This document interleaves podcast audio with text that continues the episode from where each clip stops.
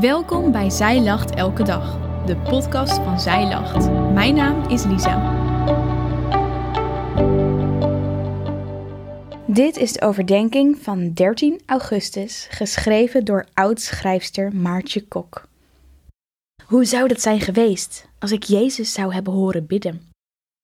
Als ik zou zien hoe hij zijn ogen opslaat naar de hemel en zijn verlangens voor zijn vader neerlegt? Hoe zou het zijn als ik het gebed dat Jezus vlak voor zijn gevangenneming heeft gebeden, zou hebben gehoord? Zou ik ontroerd zijn of gesterkt door zijn woorden? Zou mijn hart getroost worden of zou ik vooral met veel vragen zitten? Vandaag luisteren we mee naar zijn gebed in Johannes 17. Het is een lang gebed.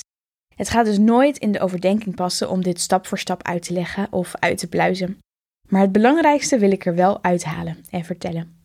Ik neem je graag mee. Lees nu eerst online of in je eigen Bijbel het gebed van Jezus in Johannes 17. En geef dan ook eens antwoord op deze vragen. Wat zie je? Wat hoor je? En wat lees je? Luister daarna de rest van deze overdenking. De context van Johannes 17 is dat Jezus voor het uitspreken van zijn gebed allerlei bemoedigende en aansporende dingen aan zijn discipelen heeft verteld. Hij heeft hen verteld dat hij de overwinnaar is van de aarde en dat ze in hem veel vrucht zullen dragen. Dat hij naar zijn vader gaat om daar het vaderhuis gereed te maken voor hen. Hij heeft ze verteld dat de Heilige Geest zal komen en ze zal troosten. En als laatste legt hij dit alles in gebed neer bij God, als een laatste troost en bemoediging. Het gebed is in verschillende gedeelten ingedeeld. In vers 1 tot en met 8 bidt Jezus voor zichzelf. Hierna, in vers 9 tot en met 19, bidt Jezus voor zijn leerlingen. En tot slot, in vers 20 tot en met 26, bidt hij voor alle gelovigen. Ook kom je in het gebed de volgende drie dingen duidelijk tegen die typerend zijn voor het Johannesevangelie. 1. Jezus wordt duidelijk als Gods zoon genoemd. Er is een duidelijke, intieme relatie tussen God en Jezus. Het geloven in God kan niet om Jezus heen. 2. Het uur waar Jezus mee begint in het gebed zien we ook veel vaker terugkomen in het Johannesevangelie. Dit is het tijdstip waarop zijn verlossingswerk wordt voltooid, in zijn sterven aan het kruis.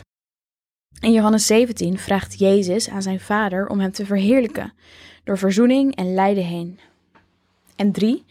Het woord verheerlijking wordt hier vaak genoemd. De weg van de nederigheid is de weg van de verheerlijking. De dood van Jezus is de ultieme openbaring van de heerlijkheid van de drie-enige God. God heeft zijn Vader op aarde verheerlijkt en zal het voltooien door te sterven. Deze heerlijkheid wil Jezus ook delen met zijn volgelingen. Wat zegt dit ons vandaag?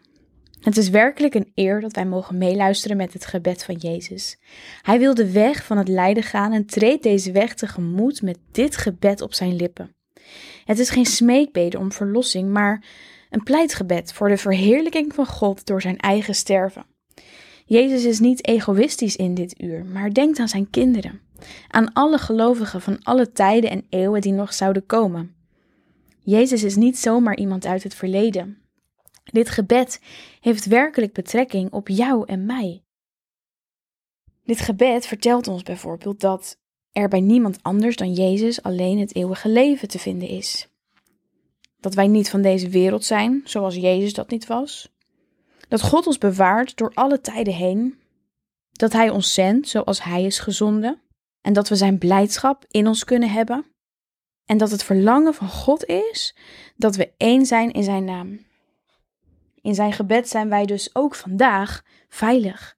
En in Zijn belofte hebben we de zekerheid ontvangen dat wat Hij heeft gebeden ja en amen zal zijn in Hemzelf.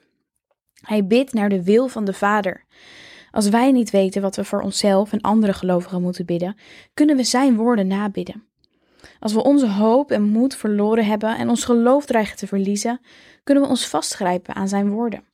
Hij heeft al voor ons gebeden. Hij zal ons bewaren. Het was niet alleen in de tijd van de eerste lezers een vertroosting, maar ook voor de gemeente van nu. De kerk heeft veel te maken met vervolging en lijden. Niet alleen door geweld, maar ook de tijdsgeest laat de gemeente van Christus niet los. Het geloof kan worden tot twijfel en er kan worden geroepen dat het niet uitmaakt wat we geloven. Vooral in ons land zien we de laatste twee genoemde dingen terug. Juist dit gebed laat zien wat werkelijkheid is. Het gebed van Jezus klinkt de eeuwen door. Bewaar hen die u mij gegeven hebt in uw naam, opdat zij één zullen zijn zoals wij. Het gebed is relevant omdat Jezus het tijdloos bidt voor zijn kinderen. Zijn hart klopt voor ons, maar allereerst voor zijn Vader. Verheerlijk uw naam, zegt hij. Dat is het verlangen van Jezus. En hij verlangt dat wij de naam van de Vader zullen verheerlijken. Als we dit gebed steeds dieper leren kennen, leren we het verlangen van de Vader, de Zoon en de Geest steeds beter kennen. Het gebed van Jezus spoort ons aan om naar zijn verlangen te leven, uit deze zekerheid vol te houden en in zijn woorden te rusten, totdat Jezus terugkomt en wij volledig zullen genieten van zijn heerlijkheid.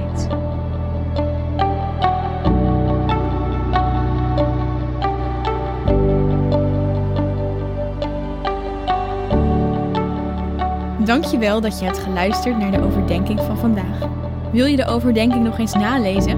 Check dan onze website. Je vindt daar ook nog meer toffe dingen die jou helpen om de Bijbel vaker te openen, zoals boeken, Bijbels, cursussen en evenementen. Morgen ben ik weer bij je terug met een nieuwe overdenking. Tot dan!